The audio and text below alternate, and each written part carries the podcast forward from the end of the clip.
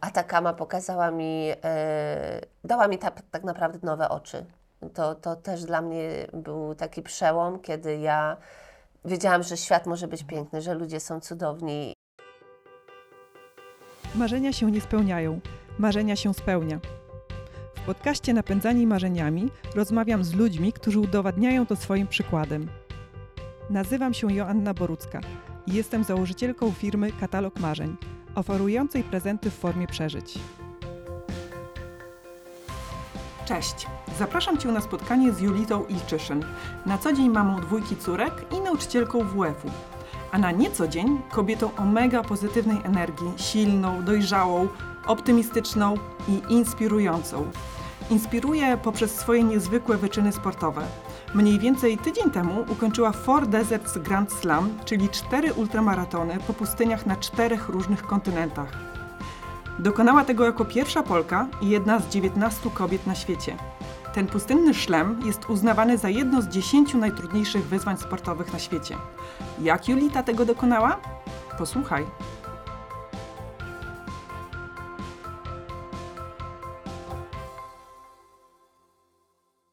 Cześć Julita. Witam serdecznie. Wielkie dzięki, że tutaj się pojawiłaś i jestem przeszczęśliwa, bo w pewnym sensie znamy się już od y, dłuższego czasu, od paru miesięcy, ale tak na żywo to widzimy się dziś pierwszy raz. Słuchaj, czy ty pamiętasz swoje pierwsze zawody biegowe? Tak, O, pan, pa- pamiętam, słuchajcie, to było 30 lat temu, ale pamiętam doskonale e, emocje, jakie towarzyszyły mi, e, chyba zostały mi do teraz e, i, i je powielam. E, to był skok w dal. E, wybłagałam mojego nauczyciela wychowania fizycznego, e, żeby móc wystartować w tych zawodach, bo cały czas mnie przytrzymywał. Powiedział, że to jeszcze nie jest mój moment, a że wreszcie nastał ten moment, nastała ta chwila i wystartowałam w takich miejskich zawodach w lekkiej atletyce. E, wygrałam ty- te zawody. to było w przedszkolu. E, t- no, tak, tak, to było w przedszkolu. Powiedzmy, że to było w przedszkole. E, to był bardzo, bardzo dziecięcy świat jeszcze. To, to na pewno. Natomiast e, mm, wrażenia i emocje e, po tym pierwszym razie zostały u mnie na zawsze i, i wiedziałam, że to jest e, droga, w którą, z którą ja się utożsamiam i, i to będzie moja, moja droga życiowa. I powiedziałaś, że wygrałaś te zawody. E, tak, wygrałam, ale to chyba już e, może nie, nie wiedzą, doświadczeniem i umiejętnościami, co po prostu moimi walorami e, od samego mm, startu, e, kiedy już byłam w podstawówce, byłam najwyższą osobą, więc tutaj e, te pierwsze lata e, zdecydowanie górowały na tym, że wzrost e, miał tutaj znaczenie. nie tyle umiejętności. O, ja po prostu wzięłam rozbieg, odbiłam się, wylądowałam i to było to. A, I to był skok w dal. Tak, A zawody biegowe? Zawody biegowe były połączone tak naprawdę ze skokiem w dal, e, ale biegi e, zaczęły się w liceum. To były sztafety, sprinty. Na biegi długie e, niespecjalnie miałam ochoty. Treningi, które mieliśmy biegowe, były dla mnie bardzo nudne. Pamiętam wtorki, kiedy mieliśmy rozbieganie, to były najtrudniejsze dla mnie treningi, bo po prostu się nudziłam. Ale chyba wtedy jeszcze nie byłam na tyle dojrzała i nie doceniałam tego, co dookoła mnie się dzieje, co mogę dookoła e, zobaczyć. E, a stricte takie długie bieganie rozpoczęło się dużo, dużo później, e, kiedy urodziłam e, drugą córkę, Zuzannę. Także e, stosunkowo niedawno, bo jakieś z 5 lat temu. No właśnie, to tego nie wiedziałam. E, Ale jeszcze zanim się zaczęło to długie bieganie, w ogóle jak ty to rozróżniasz? Długie bieganie to jest jakie bieganie? Długie bieganie dla mnie rozpoczęło się od dwóch kilometrów. Także to, to nie było tak, że ja od razu wyskoczyłam i poleciałam na te 250. Także zaczynałam bardzo spokojnie. Zaczęłam od e, biegów przeszkodowych, e, ekstremalnych, typu Run Magedon i, i temu podobne.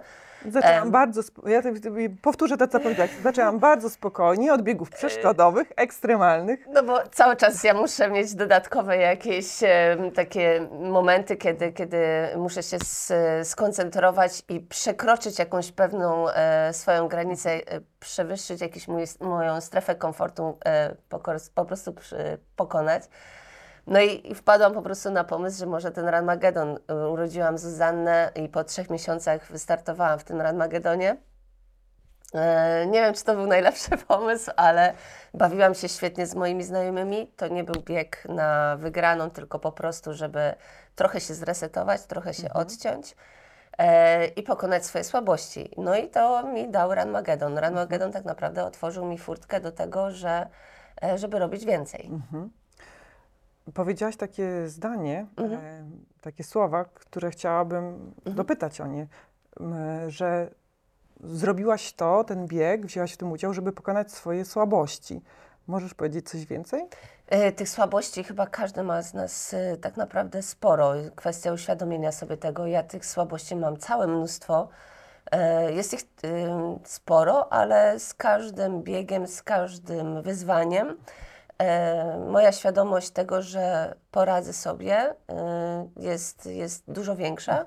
E, I łatwiej mi jest po prostu funkcjonować na co dzień. Mm, Moimi słabościami jest lęk wysokości, e, chociażby. Mm, Wszelka e, obawa przed silnym wiatrem, przed wodą. Nie lubię wody.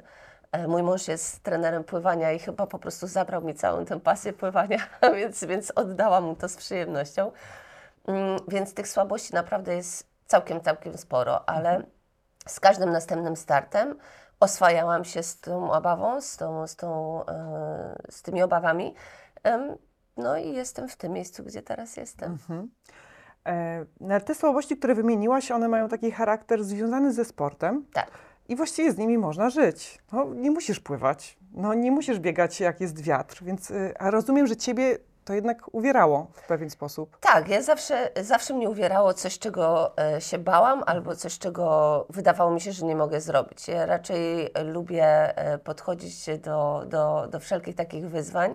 Zawsze mnie to gdzieś zastanawiało, gdzie jest ta moja granica, gdzie jestem w stanie się zatrzymać i powiedzieć, nie, to nie jest dla mnie. Na tę chwilę jeszcze nie mam tego e, punktu, więc cały czas szukam. E, skojarzyło mi się z tym, co mówisz, słowa Marka Wikiery, który e, ukończył również Fort Deserts e, Grand Slam, do którego za momencik dojdziemy i on mówi, boję się, dlatego to zrobię. Tak mi to bardzo rezonuje. Co, coś w tym jest. My z Markiem Wikierą mamy bardzo wiele wspólnego. Mamy e, kilka wspólnych takich teorii, które nam się mocno, mocno wiążą. Może dlatego tak się dogadujemy. Marka poznałam e, tuż przed e, moimi wyjazdami na Fort Desert. I, I tak, zdecydowanie e, powielam jego teorię. Boję się, dlatego to zrobię. Mhm. A jak w ogóle pojawił się ten pomysł na to konkretne wyzwanie, na Fort Deserts e, Grand Slam w Twojej głowie? E, Grand Slam pojawił się w momencie, kiedy wygrałam Radmagedon Sahara na 50 km. To było 3 lata temu.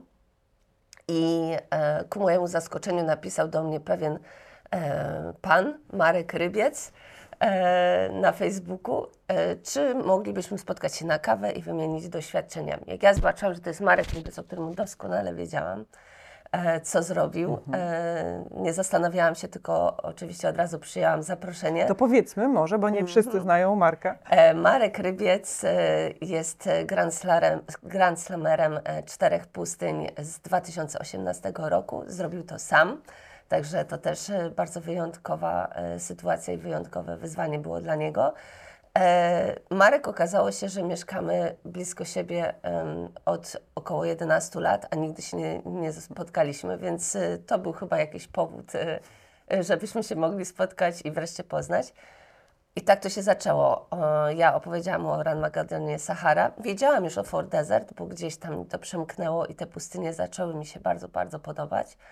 Mm, A Marek mi powiedział o tym więcej, no i to było to. To zdecydowanie mnie zainspirował, jest moim mentorem do teraz. Bardzo dużo mi pomaga. E, I, I tak ta przygoda się zaczęła, że w 2019 podjęłam decyzję, że chcę to zrobić, w 2020, ale niestety pandemia nas zatrzymała i musieliśmy poczekać do tego roku 2022 i myślę, że to, to było dobre akurat. Mhm. A m- możesz opisać, e, na czym w ogóle polega to wyzwanie? E, Grand Slam e, czterech pustyń polega na tym, że pokonujemy e, w jeden rok cztery pustynie. E, w tym roku udało nam się to zrobić w 7 miesięcy, więc to też e, w przyspieszonym trybie. E, bieg sam polega na tym, że musimy pokonać 250 km na wytyczonej trasie. Z plecakiem pełnym wyposażenia obowiązkowego. To oznacza, że musisz mieć swoją, e, swoją żywność, swoją kuchnię tak naprawdę, czyli jedzenie liofilizowane Na cały bieg. na cały bieg, na całe 6 dni biegu, bo to jest bieg etapowy. E, każdego dnia biegnie się inny dystans. Przez pierwsze 4 dni standardowo biegniemy po 40 km, piątego dnia mamy 80 i szóstego dnia taki celebracyjny bieg od 5 do 10 km, kiedy świętujemy to, że przetrwaliśmy po prostu. Plecak ma e, w sobie aptekę, e, kuchnię, sypialnię, e, łazienkę. Także to wszystko się mieści w tym naszym małym plecaczku. Waga tego plecaka wynosi u takich najbardziej doświadczonych od 6,5 kg do nawet 17. E, Sporo. Te 17 to już jest naprawdę wyczyn. No i tak każdego dnia e, śpimy pod e, takimi płachtami albo namiotami, e, które nam oferują e, organizatorzy. I od organizatorów otrzymujemy również tylko i wyłącznie wodę. E, woda jest tutaj od organizatora, co, co, co jest jedynym takim mm, wsparciem ze strony mm, organizatorów. Mhm. Cała reszta jest po naszej stronie.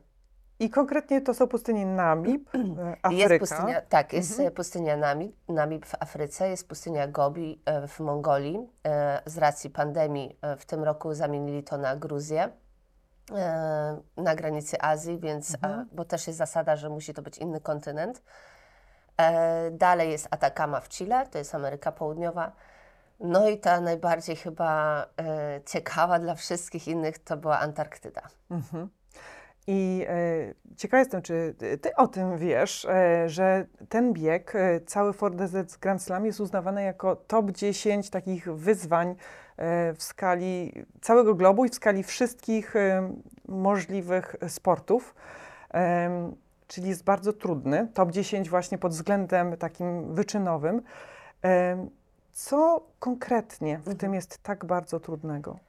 Jak najbardziej zgadza się. Ja uważam również, bo już przebiegłam kilka innych takich biegów, y, żeby zobaczyć, jak to jest. Natomiast y, Fort Desert, szczególnie Grand, Grand Slam, bo Fort Desert różni się od Grand Slama tym, że Fort Desert możesz zrobić przez. Każdego roku możesz robić inną pustynię i to się tak fajnie, ładnie komponuje, ale jesteśmy spokojni. Natomiast Grand Slam e, trzeba już się naprawdę spiąć, e, żeby to wszystko poskładać w te u mnie 7 miesięcy. Mm, Te biegi różnią się tym, że raz, że odbywa się każdy bieg na innym kontynencie, więc trzeba tam e, dotrzeć. E, Dwa, e, warunki klimatyczne, jakie tam są. Każda pustynia cechuje się innymi warunkami, skrajnymi, totalnie ekstremalnymi. To może tak Mm. przejdźmy przez... Namibia, e, pierwsza pustynia, której się doczekać nie, nie mogłam, bo taka chyba, no, no czuję miętę do, do, do Afryki, zdecydowanie. E, Tam zaskoczyła nas em, temperatura. E, Namibia przywitała nas e, ponad 50-stopniowym upałem, więc, więc gorąco. Gruzja, wyjątkowy bieg, bo nie byliśmy na to gotowi. To był bieg górski. Mm, Warunki, jakie tam spotkaliśmy, to był deszcz, było zimno, więc przez cały tydzień byliśmy po prostu mokrzy, więc zdecydowanie chłodno i mokro. E, Atakama, chyba najbardziej magiczna pustynia, o niej to mogłabym opowiadać bardzo długo. Natomiast e, sucha, wietrzna i w nocy mroźna, bo dochodziło do minus 8 stopni, e, więc, więc ta różnica dzień do nocy też była bardzo, bardzo odczuwalna. No i ostatnia Antarktyda, temperatura, aczkolwiek tutaj byliśmy mocno zaskoczeni, bo ta temperatura aż tak nam mocno nie doskwierała, więc może skupiałem się bardziej na głębokim śniegu. E, ja jeszcze wrócę do tej magii Atakamy, bo to mnie tak zaintrygowało. A, e, no dobra, wyjaśniłaś pod względem takim e, klimatycznym, jakiejś specyfiki pogodowej i ukształtowania terenu. A co, co dla Ciebie osobiście było najtrudniejsze podczas tych biegów? Dla mnie najtrudniejsze te pierwsze dwa biegi, bo Namibia i Gruzja e, dały mi bardzo dużą lekcję. E, to były kontuzje nieoczekiwane, z którymi nigdy nie miałam problemów i nagle się pojawiły. E, więc walka z tym bólem to było dla mnie takie najtrudniejsze. Mm, Być może przez to nie odczuwałam tak temperatury w Namibii, bo wszyscy narzekali, a ja po prostu się nią nie zajmowałam, bo miałam inny problem, więc może to mnie jakoś odcięło, może na szczęście, nie wiem. E, w każdym bądź razie taki fizyczny ból i potem e, taki, taka mentalna walka, to chyba było dla mnie najtrudniejsze. Atakama i Antarktyda, mimo że takie skrajne warunki, to, to były dla mnie najprzyjemniejsze pustynie. Mhm. Ja też przygotowując się do tej rozmowy czytałam, że em, y, spotkały Cię takie mm, jeszcze trudniejsze warunki pogodowe niż to, o czym wspomniałaś, bo burza y, Burza piaskowa, No, Atakamy, tak. no właśnie, która no, utrudnia w ogóle orientację w terenie. Tak? Zdecydowanie burza piaskowa atakami próbowała mnie złamać e, i po części gdzieś tam się to udało, ale to tylko na chwilę. E, zawsze się zastanawiałam, jak to jest. Ja mówię, jestem taka trochę ciekawska e, i lubię doświadczać. E, I burza piaskowa, m, która nas spotkała, zaczęło się to bardzo niewinnie, bo dobiegliśmy do pewnego punktu e, kontrolnego, bo na każdym etapie mamy kilka punktów kontrolnych, do których musimy mm, uzupełnić wodę do mm, warunkowanej i umownej ilości. E, Tam są jeszcze jest cały sztab lekarzy, którzy sprawdzają, e, czy, czy jesteś w stanie biec i czy, czy możesz. Czyli oni dopuszczają też Cię do Tak. dalszego udziału. Pod tym względem są bardzo restrykcyjni. Także, także tutaj e, pamiętam w Namibii, no ale za chwilę może, e, ta Atakama. I dobiegliśmy do drugiego punktu kontrolnego, to już było 20 kilometr. Mm, I zmógł się wiatr, e, gdzie wolontariusze na tym punkcie stwierdzili, że a, to teraz ten wiatr nas poniesie. I nikt nie zdawał sobie specjalnie sprawy, że to może być aż tak niebezpieczne. Dla mnie, ja już przeanalizowałam, że wiatr wieje mocno w plecy, więc będzie mi lżej, będzie mi łatwiej. Ruszyłam przed siebie, no i to nie trwało długo, bo jakiś kilometr przebiegliśmy. E, I w pewnym momencie po prostu zaczęła się taka zawierucha, taka wichura, że pozrywało wszystkie punkty e, takie mm, orientacyjne, czyli te nasze różowe chorągiewki. Nie było nic widać, piasek w, po prostu wchodził wszędzie. E, nie mogliśmy pić, bo no, po prostu wszystko było w piasku. Mm, Znalazłam pięciu e, mężczyzn, którzy również e, biegli, próbowali, ale zatrzymali się i byli to po prostu totalnie sparaliżowani. e, Byli przerażeni tym, co się dzieje. Nie wiedzieliśmy, co robić. Każdy szukał tych punktów orientacyjnych, ale ich nie było widać. A zegarek, GPS, macie Nie taki mamy. sprzęt? To jest właśnie też, to jest bardzo dobre pytanie. To jest też jeden e, z warunków, dlaczego te e, biegi są tak trudne i uznawane jako top e, 10, bo nie biegamy z GPS-em. Także Czyli tylko i jak się wyłącznie... zgubisz, no to może kiedyś się znajdziemy na tej zasadzie. Także podpisujesz Mhm. pewne takie klauzule i, i wszelkie mm, zasady, więc bierzesz to na siebie po prostu. Mhm. Więc to dodatkowo dodaje takiego, takiej adrenaliny i małego Mhm. smaczku, że tak powiem. E, więc ym, w tym punkcie takim krytycznym, w którym się my znaleźliśmy, e, każdy próbował iść w jed- inną stronę. No i tutaj chyba zadziałała ta moja kobieca intuicja. Zatrzymałam tych e, chłopaków, powiedziałam, słuchajcie, po spokojnie, na spokojnie e, i oni mi zaufali i jakoś tam trafiliśmy. Ewidentnie to była intuicja, bo tych chorągiewek nie było. Byliśmy wykończeni, odwodnieni, bo jak doszliśmy do punktu kontrolnego, całe szczęście, E, Czekało tam już 30, 30 innych zawodników. Schowaliśmy się dookoła samochodów, tak żeby jak najmniej ten piasek nam doskwierał. Natomiast no, czekaliśmy tam dwie albo trzy godziny, już teraz nie, nie dwie godziny, umówmy się. E, nie piliśmy, nie jedliśmy. E, organizator powiedział, że musimy przejść kolejne 3 kilometry, żebyśmy, żeby nas e, ewakuowano. I to, był taka, to była taka bardzo zła informacja, bo wszyscy byliśmy naprawdę już tym wykończeni. Em, no ale ruszyliśmy przed siebie i znaleźli nas jacyś lokalsi, jacyś pobliscy mieszkańcy. Po prostu wpadliśmy na e, pakę do, do nich do samochodu i oni dowieźli nas do miasta, e, tam gdzie mieliśmy e, taki biwak zorganizowany w jakiejś opuszczonej szkole czy stołówce. Ale w tym momencie, kiedy ja wsiadłam na, ten, na tę pakę, po prostu wszystko mi puściło, że okej, jestem uratowana, wszystko będzie dobrze, ale no cholery jasnej, co ja tutaj robię? mam dzieci, mam wspaniałą rodzinę i to był taki moment, kiedy zaczęłam się zastanawiać, czy nie przekraczam już takiej e, rozsądnej e, granicy, nie? No ale trwało to chwilę, bo organizatorzy przywieźli pizzę. Pizza, słuchajcie, działa. Pizza naprawdę działa. E, zmotywowaliśmy się, dali nam odpocząć i kolejnego dnia ruszaliśmy dalej. Słuchaj, tak zerkam na swoje pytanie, bo e, mam tutaj pytanie o kryzysy psychiczne, takie, w których myślisz sobie, po co mi to było? Mogłam zostać w domu i biegać spokojnie po lasach. Tak to jest właśnie a propos tego, co powiedziałaś. No i, i pytanie, po co ci to było? Powiedziałaś wcześniej o, o tym przełamywaniu siebie, o przekraczaniu granic. Mhm. Czy to jest to, czy są jeszcze jakieś inne powody? E, takich powodów po co, dlaczego jest tak naprawdę całe mnóstwo, bo y, na początku jak w ogóle chciałam wystartować, myślałam o tych startach, to bardzo mm, samolubnie można powiedzieć, myślałam tylko o sobie, że chcę to zrobić dla siebie, że chcę em, pokazać sobie, na co mnie stać, że chcę przełamać e, takie moje bariery i blokady e, psychiczne. Natomiast e, jak to ruszyło, ta maszyna ruszyła z tym ym, wyzwaniem, to zaczęły się pojawiać kolejne powody.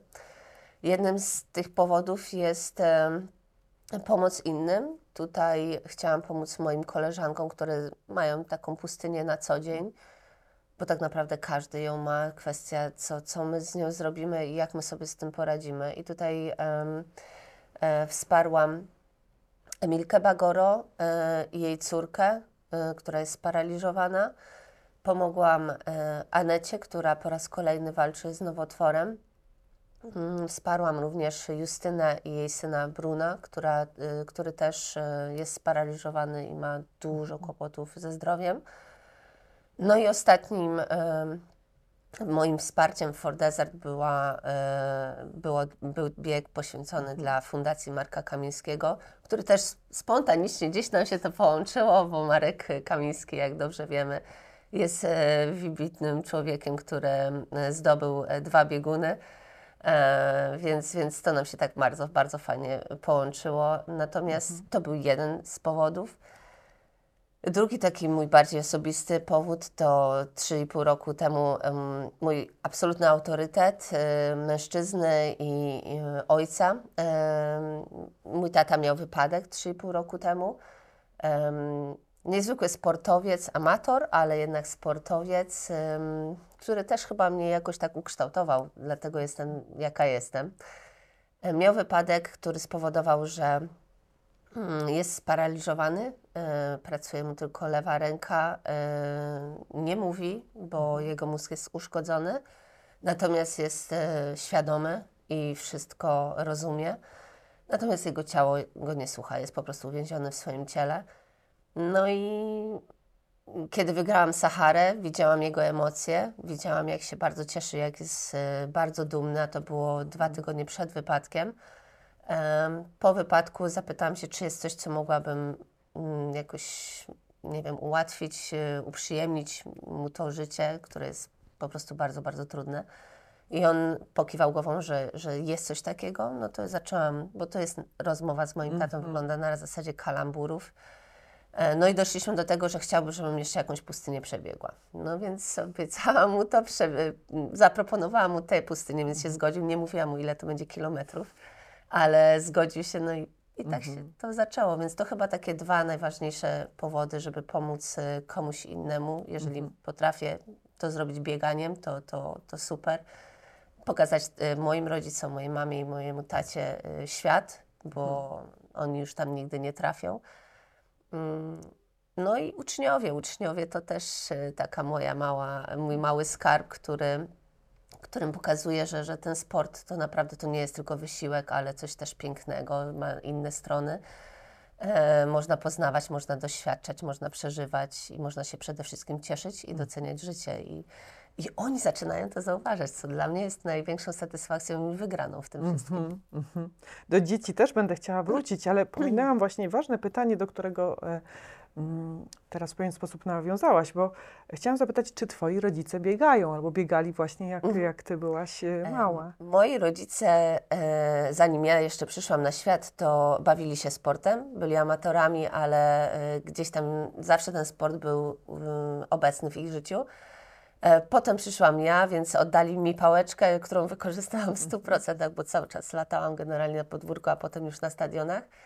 E, I dalej oni sami zdecydowali, że chyba coś trzeba z tym zrobić, że trzeba może wrócić. No i na ostatnie lata e, tuż przed wypadkiem mojego taty zaczęli startować w zawodach na kijkach, e, na Nordic Walking. Startowali w Mistrzostwach Polski. E, Moja mama ma stopień inwalidztwa również, więc e, była przezadowolona, kiedy tam stawała na podium. E, to były bardzo, bardzo fajne chwile. No w tej chwili tata już nie może robić nic, a mama jest na tyle po prostu zaangażowana w opiekę nad tatą, że też tego czasu ma bardzo mało. Natomiast kiedy ja przyjeżdżam do niej, to, to idziemy na Nordic Walking albo kręcimy hula hopem, bo to też jest bardzo fajna zabawa. No właśnie. E, trochę tak łącząc, e, mm, łącząc Twoje dzieciństwo i to wsparcie, inspiracje ze strony rodziców i to, o czym powiedziałaś, że bardzo Cię cieszy, że jesteś też inspiracją dla dzieci, które uczysz, to kto poza rodzicami jest dla Ciebie inspiracją?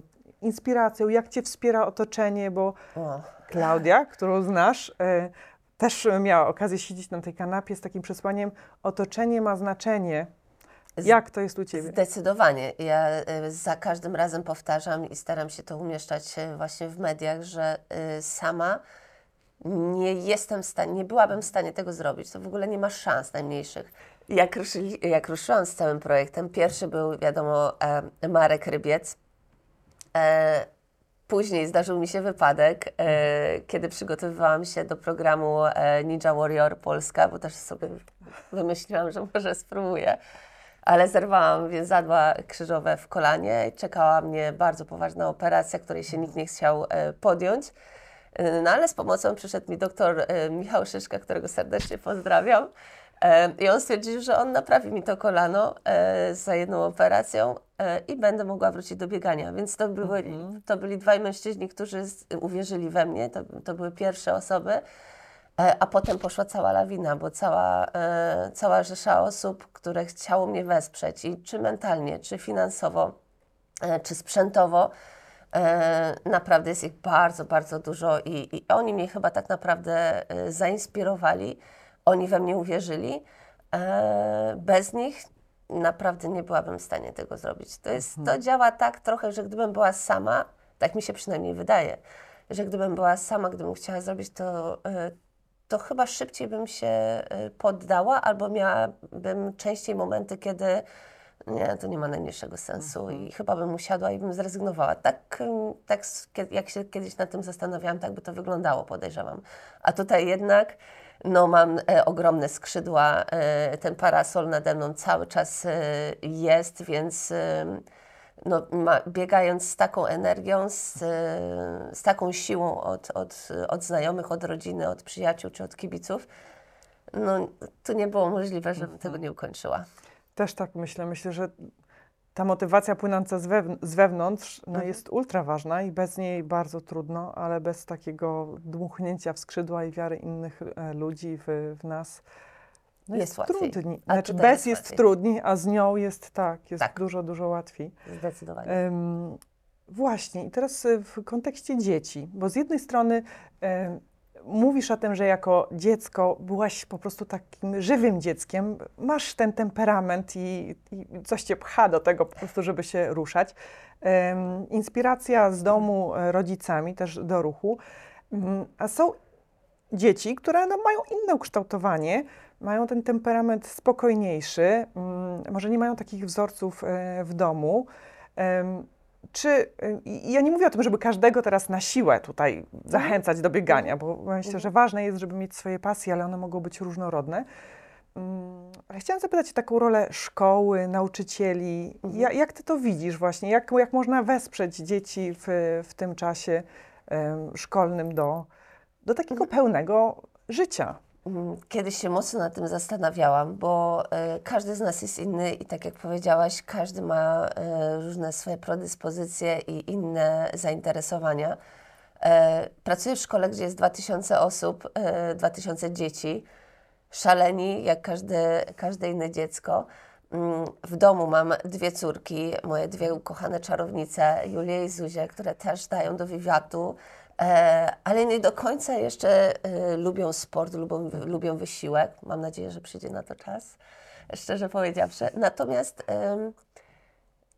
zawsze zastanawiałam się, co mogę zrobić, żeby ich e, jakby, nie wiem, co mogę zrobić, żeby te dzieciaki chciały. E, jak wychodziliśmy na bieganie, no trzy czwarte było załamane, tak? Ja to widziałam. E, I, I jak graliśmy w kosza, to inni z kolei byli niezadowoleni i tak cały czas coś było nie halo. E, U mnie prostym, prostą rzeczą e, okazało się, od kilku lat się to bardzo fajnie sprawdza, że ten, te moje zajęcia wyglądają trochę inaczej. Każde dziecko ma prawo do tego, co chce robić. I wybieramy sobie to. Jeżeli jest grupka ludzi, która chce grać w kosza, proszę bardzo, grają w kosza. Ci sami y, z tej klasy grają w badmintona. Inni się rozciągają, bo gdzieś tam czują. Zawsze jednak staram się, żeby wybrali coś dla siebie, nie ma problemu, ale żeby to było jednak powiązane z ruchem. Dużo o tym rozmawiamy. Oni teraz sami już widzą, że ja nie jestem najmłodsza dla nich, e, ale e, jestem sprawna i jestem zdrowa i oni, szczególnie po tej pandemii, oni zaczęli zauważać, że no, że ten ruch jest chyba jednak ważny, że to faktycznie to nie jest suche gadanie, tylko y, coś za tym idzie. A jeżeli jeszcze do tego dołączymy, że możemy pojechać sobie na jakieś zawody dowolne, czy to będą szachy, czy to będzie badminton, czy to będą biegi i poznać tam fajnych ludzi, e, zobaczyć fajne miejsce, być może trochę się podszkolić w jakimś języku, bo to są najlepsze lekcje przecież, no to, to zaczyna się tam mm, to drzewko nasze rozrastać, bo zaczynamy wchodzić w inne kategorie, inne zainteresowania i to wszystko się pięknie łączy. Ruch, wiedza, doświadczenie, przygoda. Czyli zamiast nakazywać i zmuszać, to podpowiadać i dawać Proponuję. możliwość wyboru. Dajemy możliwość wyboru. Y, Często, gęsto y, oni sami pro, zaczynają proponować coś, na co ja bym w życiu nie wpadła. Dla mnie to jest super nagroda, bo ja mogę im to dać, a oni sami zaczynają szukać. To jest chyba najlepsza droga do znalezienia własnej drogi, nie? Julita, wróćmy na pustynię, e, bo ja tu mam jeszcze kilka rzeczy, o które chciałam Cię zapytać. Tak. Mm, O przygotowania. Czy przygotowania, wiadomo, sportowe to jest taka podstawa, ale czy Ty się od strony psychicznej też y, przygotowujesz? Takiej mentalnej? Chyba nie. Chyba mm, szczerze powiem, że naturalnie mi to przychodzi. E, może przez to e, doświadczenie i życie, którego doświadczałam, nie było, nie było zbyt łatwo. E, chyba wypadek taty mnie też bardzo mocno em, tak uodpornił i em, dał mi taką poważną lekcję, że ja muszę to po prostu pozbierać. Em, to chyba był taki mocny punkt. Natomiast em, psychicznie chyba byłam zawsze odporna. Mo- Być może ten sport mnie ukształtował od samego dzieciaka. No tam trzeba walczyć, trzeba, e, trzeba być skoncentrowanym, trzeba być punktualnym. Jest całe mnóstwo takich e, zalet, które sport e, nas uczy. I, chyba od, I się przegrywa. e, i się się przegrywa. przegrywa. I się przegrywa i tą I porażkę... trzeba z tym żyć. Tak? E, Tą porażkę można e, i nauczyłam się tę porażkę zamieniać w coś, co dało mi bardzo dobrą lekcję, bo e, chyba najlepiej jest się nauczyć na błędzie swoim, Mm, więc, więc zdecydowanie tak. Mm, Więc mentalnie e, Życie- często, często, często mm, właśnie z Markiem, jak rozmawiałam rybcem, Marek przychodził mnóstwo kryzysów na pustyniach. Ja po tych rozmowach już sobie tak torowałam w głowie, tak już sobie uświadamiałam, że ja nie będę miała tych kryzysów, że to wszystko po prostu przyjm, będę przyjmowała i muszę sobie to z tym poradzić. Nie, nie ma innej opcji. No i chyba tak jest najłatwiej w życiu. Jak już sobie coś powiemy pozytywnie, że nie ma siły, musimy to zrobić, to naprawdę znajdują się takie pomysły i takie rozwiązania, że to zaczyna działać. A ta magia? Bo tak dużo rozmawiamy o tym, że jest trudno, że jest niebezpiecznie, ale myślę, że było też pięknie. Każda pustynia, e, z wyjątkiem Gruzji, bo Gruzja nie była pustynią, była tylko biegiem e, natomiast górskim, e, każda pustynia miała coś w sobie zdecydowanie takiego magicznego. E, natomiast e, Atakama, mm, jest tam coś w powietrzu, ciężko jest mi to opisać. Najlepiej tam pojechać, jeżeli jest możliwość i po prostu samemu tego doświadczyć i najlepiej, jak potem do mnie dacie znać, czy faktycznie tak jest. To, to zachęcamy też też, e, zachęcam. zachęcamy i słuchaczy i oglądających właśnie. Zdecydowanie. Atacama, Chile. E, piękna sprawa. E, być może też dlatego, że przez kilka dni e, przed em, wyjazdem do centrum pustyni, jak tak mogę nazwać, byliśmy w San Pedro, opuszczona miejscowość na czas pandemii, e, a w tym czasie, jak my przyjechaliśmy, to zaczęło się to miasto e, odnawiać, zaczęli y, sprowadzać mieszkańcy. E, I to życie, ta radość, że oni mogą wrócić wreszcie do swojego domu, to było coś absolutnie niesamowitego. Tam życie, mimo że mieszka tam chyba 400 czy 500 osób, to całonocne życie cały czas działało. E, I te gwiazdy, gwiazdy e, były absolutnie nie do opisania. No, gwiazdy widzimy wszędzie, z wyjątkiem może Antarktydy, gdzie jest cały czas jasno, akurat ja w tym, w tym czasie byłam. To, e, to słuchajcie, wychodząc z namiotu, gdzie jest piekielnie zimno, bo było nawet i minus 8, ja przy mojej wadzie wzroku minus 4 bez soczewek, no słabo widziałam, ale, ale te gwiazdy miałam wrażenie, że one mnie dotykają. To, to one były na wyciągnięcie ręki. Było ich całe mnóstwo e, i, i to było takie niesamowite. I być może takie momenty em, sprawiły, że ta magia była odczuwalna. Różowe góry, tak jak dzisiaj twój sweter. E, zachód słońca o godzinie tam 18, 18.30 i z takiego czerwonego koloru, bo tam głównie panował czerwony kolor, e, wszystko zamieniało się na taki ostry pink, na taki ostry róż. To trwało chwilę, około minuty do dwóch, ale no, widok y, tego, nie, nie uwieczniliśmy tego na zdjęciach, bo się po prostu tego nie dało, ale y, no, widok był absolutnie po prostu najwspanialszy i, i nikt mi tego nie odbierze. To była No ta właśnie. magia. Tak, tak. Najpiękniejsze są wspomnienia, które zostają. z Zdecydowanie tak, ale te wspomnienia tworzyli przede wszystkim ludzie, z którymi tam byłam. To też. A to ciekawe To właśnie. Właśnie, a kim są ci ludzie? Czy to jest jakaś taka grupa, którą da się zdefiniować, czy każdy jeden jest po prostu tak totalnie inny? Y, Słuchajcie, ci ludzie to są absolutnie pozytywne świry, bo to tak trzeba nazwać. To, to y, osoby, które tam startują, mm, no, no nie są do końca y, normalne. nie boję się tego nazwać. E, natomiast każdy mm, ma jedną wspólną cechę. Y, Chcemy coś zobaczyć, chcemy doceniać życie, chcemy się sprawdzić y, i chcemy ym, znaleźć jakby pomysł na nasze życie, być może jakieś rozwiązanie. To, to chyba takie było najfajniejsze, najistotniejsze. Każdy z nas tam się czymś innym zajmuje na co dzień. Są bankierzy, są nauczyciele, każdy ma inny zawód. Natomiast na starcie jesteśmy wszyscy tacy sami. Mamy plecak, nie ma, nie, nie ma między nami różnic, e, wszyscy jesteśmy tacy sami.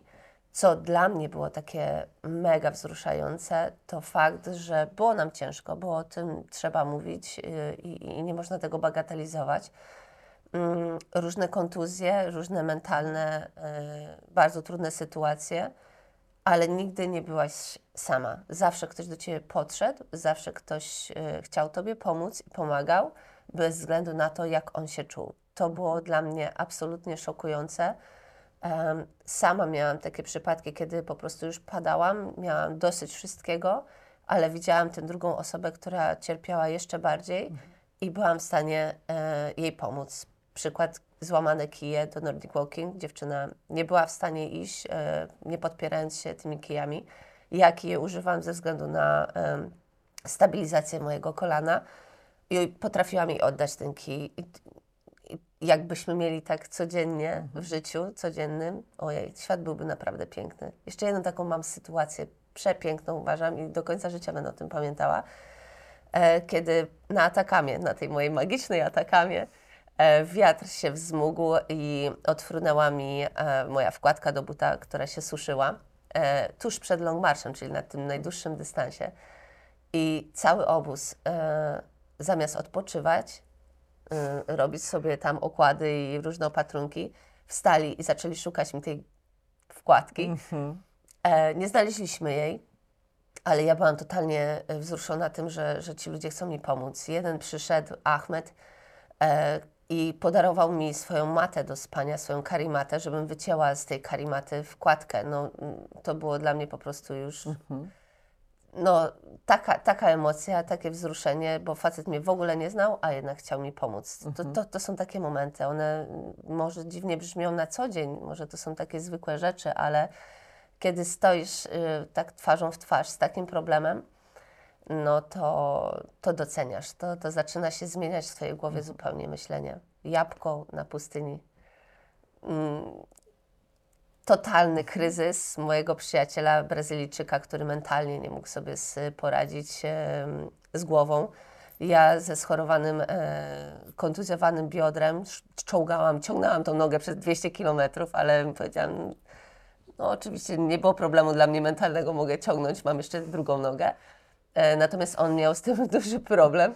E, I pewnego dnia na Lungmarszu właśnie, najtrudniejszy ten dystans, zatrzymał się samochód z naszym kamerzystą, przyjacielem e, Michaelem Murphy.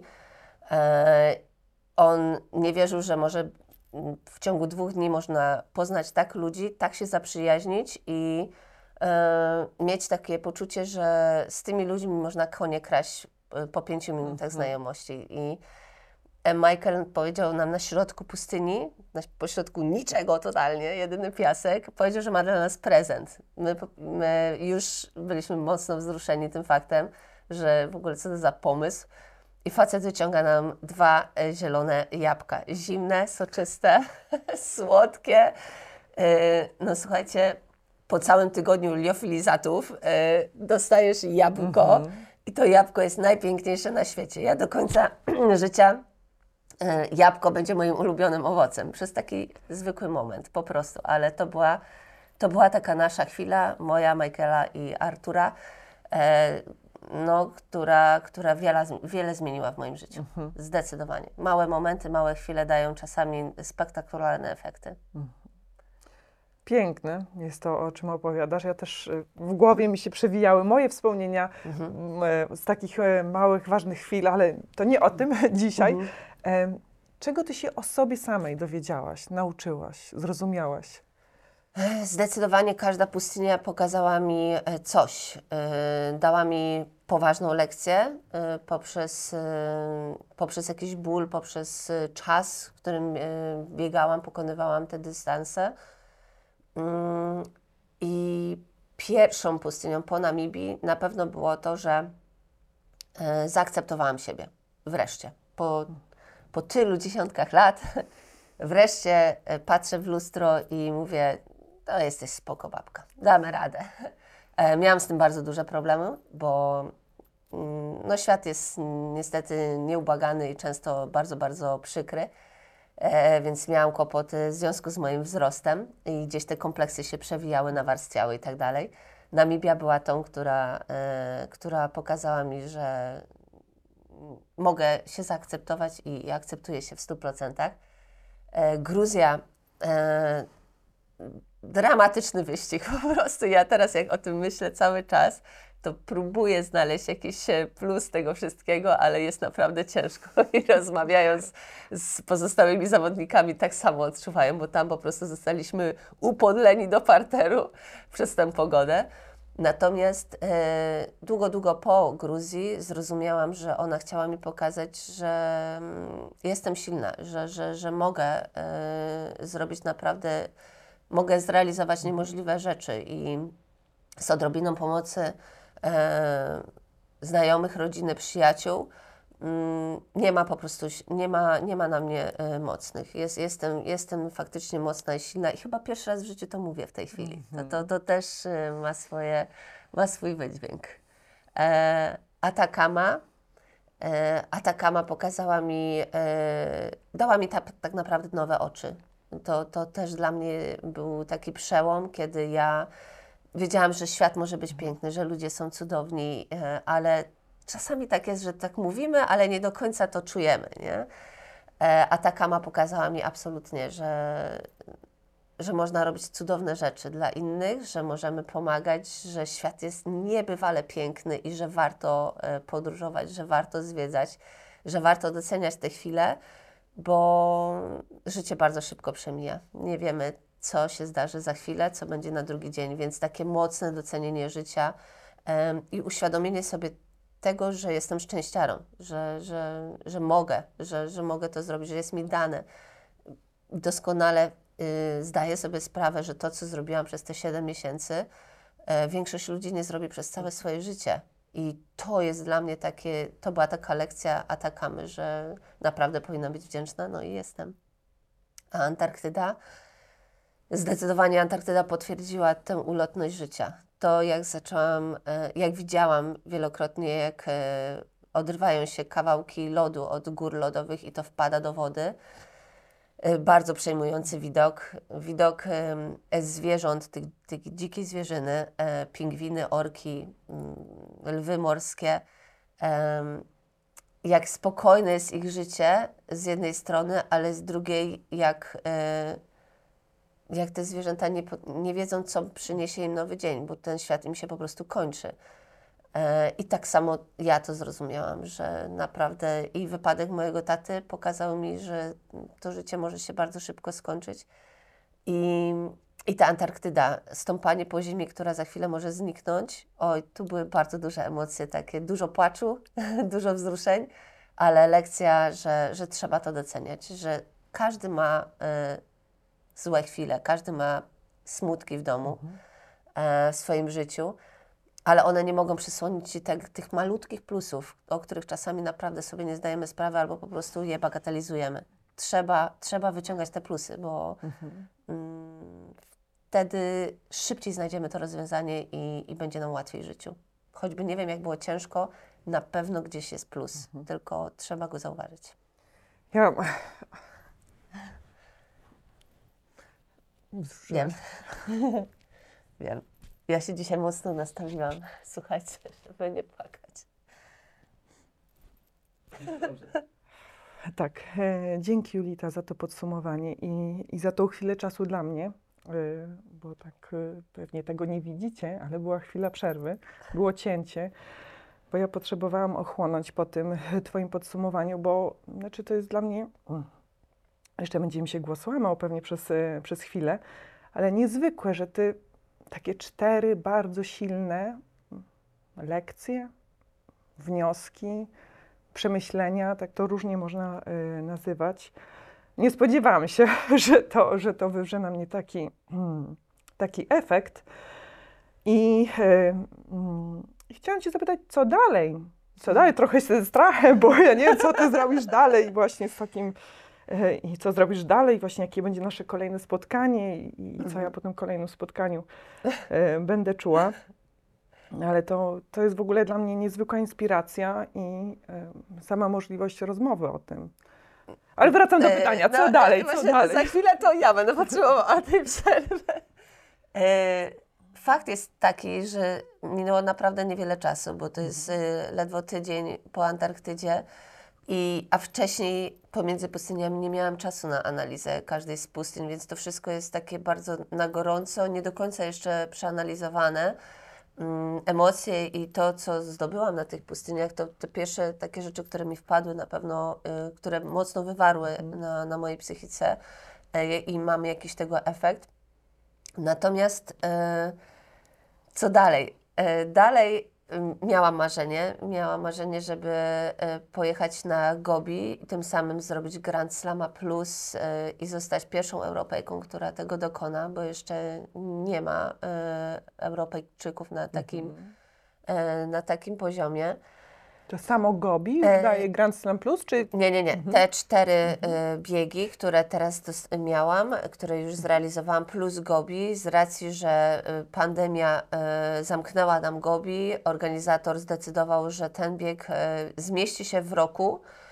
I będziemy mogli podpiąć to pod właśnie ten Grand Slam. Plus, mimo że to będzie już inny rok kalendarzowy, to zmieścimy się w 12 miesiącach em, em, takiego roku.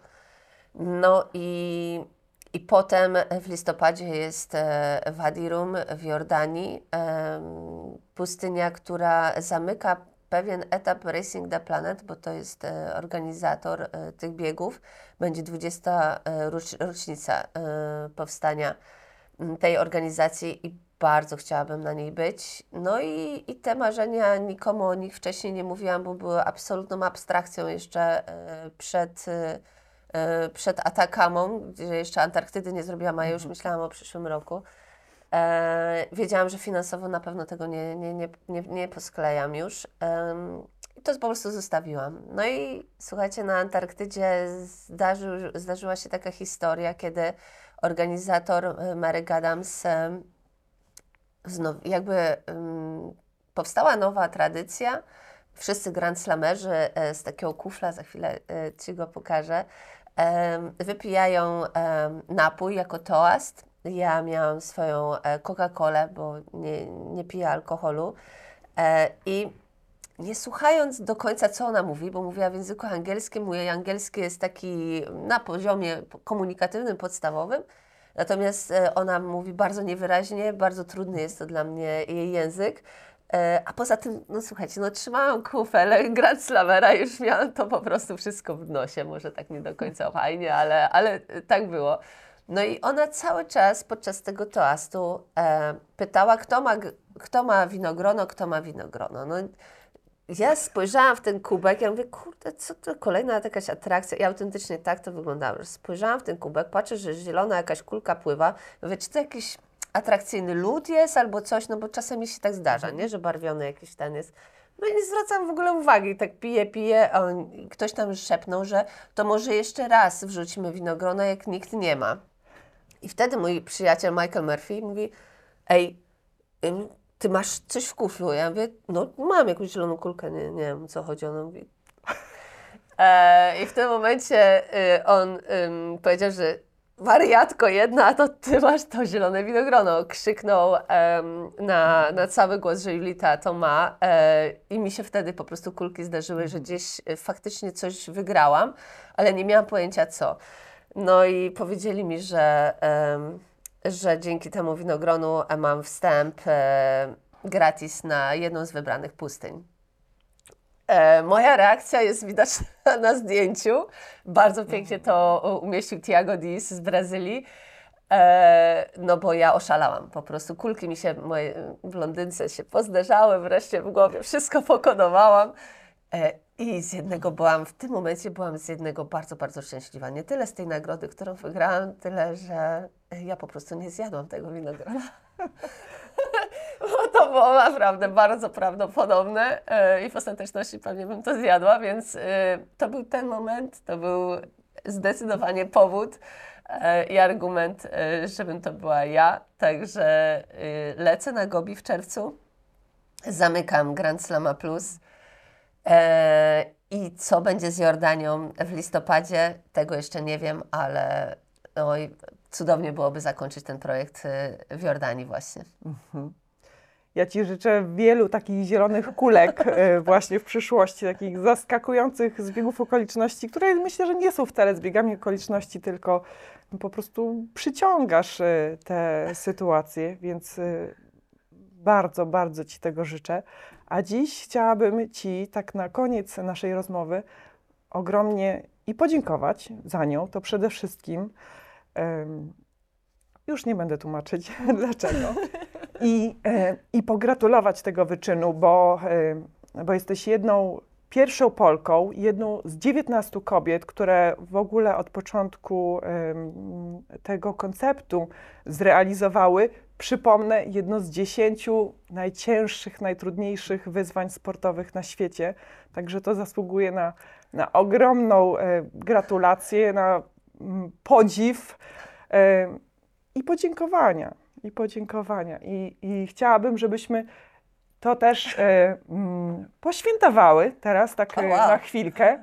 Nie mamy Coca-Coli, ale to jest bez alkoholu. E, to, wow! Zaraz właśnie, czym będziemy świętować, więc mam nadzieję, że bąbelki bez alkoholu też, tak. są, e, też są ok.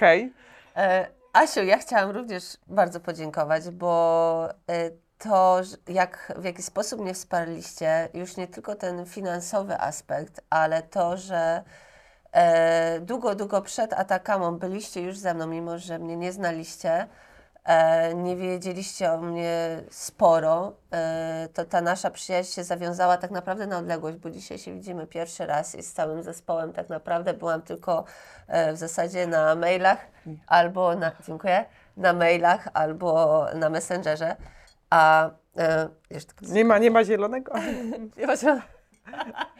Ale daliście mi, naprawdę daliście mi e, ogromnych skrzydeł i, i wiedziałam, że z Wami będzie mi dużo łatwiej, bo mam Was takie oparcie mentalne, że, że mm, pisaliście do mnie niesamowite rzeczy e, i ja to niosłam ze sobą na tym, w tym plecaku na takamie. Mam, mam sporo takich wiadomości, mam wydrukowane te maile, e, mimo że to trochę ważyło, dodatkowe gramy były, o tym nie wiecie, ale nosiłam to ze sobą, także bardzo Wam dziękuję.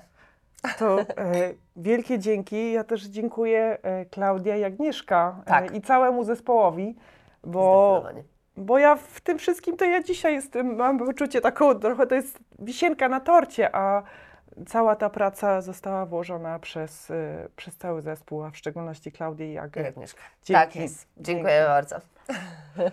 No to Tak. Po raz pierwszy popłakałam się na wizji. E, Mam nadzieję, że tego nie było tak do końca e, widać, bo tu chłopaki zrobili dobrą robotę i wycięli ten fragment. Mm, Ale to podsumowanie lekcji, wniosków, jakie Julita wyniosła z poszczególnych pustyń, jest mi bardzo bliskie. Ja nie biegam przez pustynię w formie dosłownej, ale tak jak Julita mówi, każdy ma swoje pustynie. Ja również je mam. Właśnie dlatego ta rozmowa zrobiła na mnie tak duże wrażenie. Julita, dziękuję Ci ogromnie za to, co robisz dla siebie samej i dla świata i dla mnie. Drogie marzycielki, drodzy marzyciele, jeśli ta rozmowa miała znaczenie także dla Ciebie, daj znać. Polub, skomentuj ten podcast, będę Ci za to ogromnie wdzięczna. Do zobaczenia już wkrótce w kolejnym odcinku.